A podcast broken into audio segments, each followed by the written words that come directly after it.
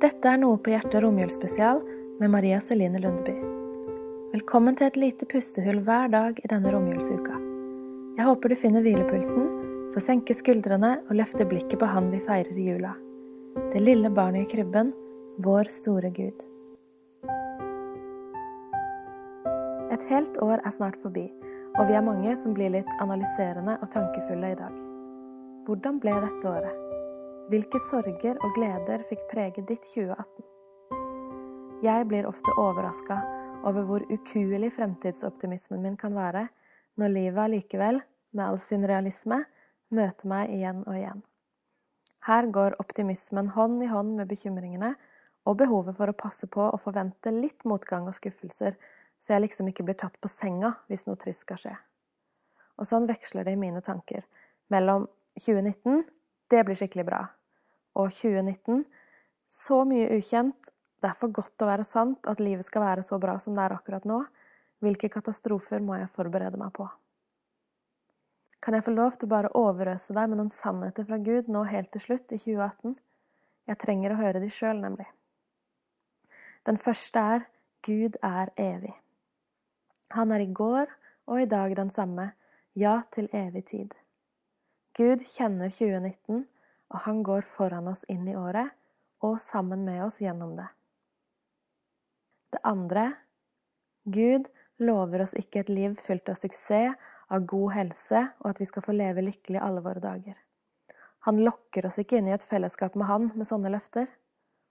Nei, Gud, han kommer til oss. Som et barn i en krybbe, som et menneske på denne jorda, for å leve med oss og dø for oss og for at vi ved å tro på Jesus alltid skal få leve sammen med Han. Gud er nær oss i alt vi opplever, og han gir oss store løfter om hva han vil gi oss.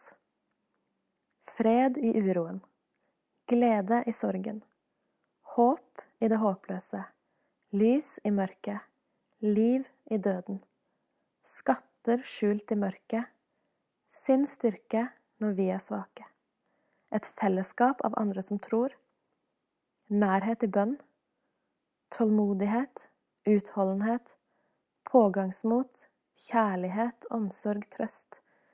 Gud vil være nær oss, sammen med oss, midt i livet. Be til Han, snakk med Han, lytt til Han. Les i Hans ord til deg. Han vil la seg finne, og han vil gi deg sine gaver når du ber ham. Den tredje sannheten Gud er nåde. Vi trenger nåde. Vi er fortapt uten. Vi trenger at Gud gjør alt for oss, sånn at vi kan få evig liv. Og med troa på Jesus får vi meninga med livet. Nåden Gud gir oss, skal få prege og definere oss. Vi får nåde, og vi skal få leve i den. Gi den videre. Være nådebærere og dele det med andre. Hvem i ditt liv trenger nåde? Hvem trenger at du strekker deg ekstra langt? Vi kan og må be Gud om å gi oss styrke til å vise andre hans kjærlighet i 2019. Ta den bønnen med deg inn i det nye, ukjente året. 2018 ble et mye bedre år for meg enn 2017. Men Gud var allikevel den samme. I 2017 opplevde jeg spontanabort og senere mange dager med mye smerte under en ny og tung graviditet.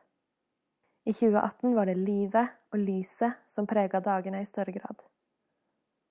Jeg kunne ikke kontrollere noen av de hendelsene, men Gud var sammen med meg i det, og han sto fast. På starten av både 2017 og 2018 har min bønn vært Stor er din trofasthet, og strofa Styrke for dagen og håp for i morgen signing for barnet som Gud tar seg av. Den fjerde sannheten er Guds trofasthet er stor. Han gir oss ei trygg hånd å holde i her vi står på starten av noe nytt og ukjent. Måtte vi alle få erfare at det holder for det året vi har i vente. Hos Gud skal vi få legge ned alt som gikk bra, og alt vi er skuffa over i 2018. Nå venter blanke ark og nytt pågangsmot. Akkurat sånn er det å leve livet i Guds nåde hver eneste dag. Andre Tessalonikerbrev, kapittel 3, vers 3. Men Herren er trofast. Han skal styrke dere og bevare dere fra det onde. Filippibrevet 4, vers 4-7. Gled dere alltid i Herren. Igjen vil jeg si gled dere. La alle mennesker få merke at dere er vennlige. Herren er nær. Vær ikke bekymret for noe, men legg alt dere har på hjertet fremfor Gud. Be og kall på ham med takk. Og Guds fred, som overgår all forstand, skal bevare deres hjerter og tanker i Kristus Jesus. Kjære far, takk for at ingenting er ukjent og skremmende for deg. Takk for at du kjenner vår fortid og vår fremtid. Takk for at du kjenner oss fullt ut. Vi kommer til deg med våre liv og alt vi bærer på av sår og erfaringer, gleder og sorger fra året vi nå legger bak oss. Ta imot oss i din nåde og kjærlighet, og hjelp oss til å møte året som kommer, med vissheten om at du går sammen med oss inn i det. La oss få erfare tryggheten du gir oss i at vi er frelst, og at du er levende til stede sammen med oss. Hjelp oss til å dele videre den nåden og hvilen. Da gjenstår det bare for meg å takke for følget denne romjula og ønske deg et velsigna godt nyttår.